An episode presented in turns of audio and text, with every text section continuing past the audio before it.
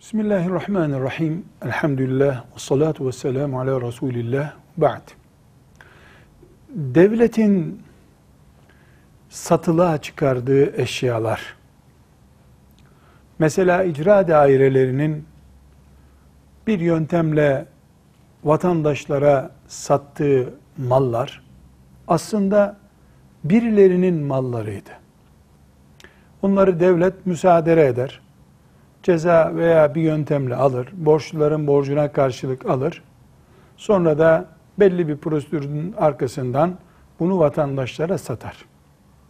Bunlarda birisinin gözyaşı vardır, filancanın evinden alınmış buzdolabıdır, filancanın müsaade edilmiş arabasıdır gibi nedenler bu malların satın alınmasını haram yapmaz.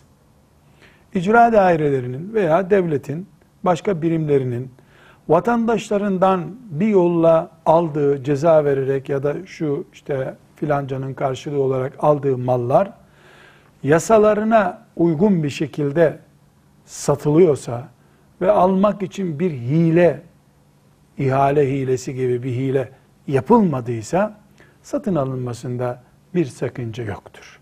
Ortada bir gözyaşı filan söz konusuysa o gözyaşını akıtanlar haksız akıttılarsa mesul olurlar. Kıyamet günü onun hesabını verirler.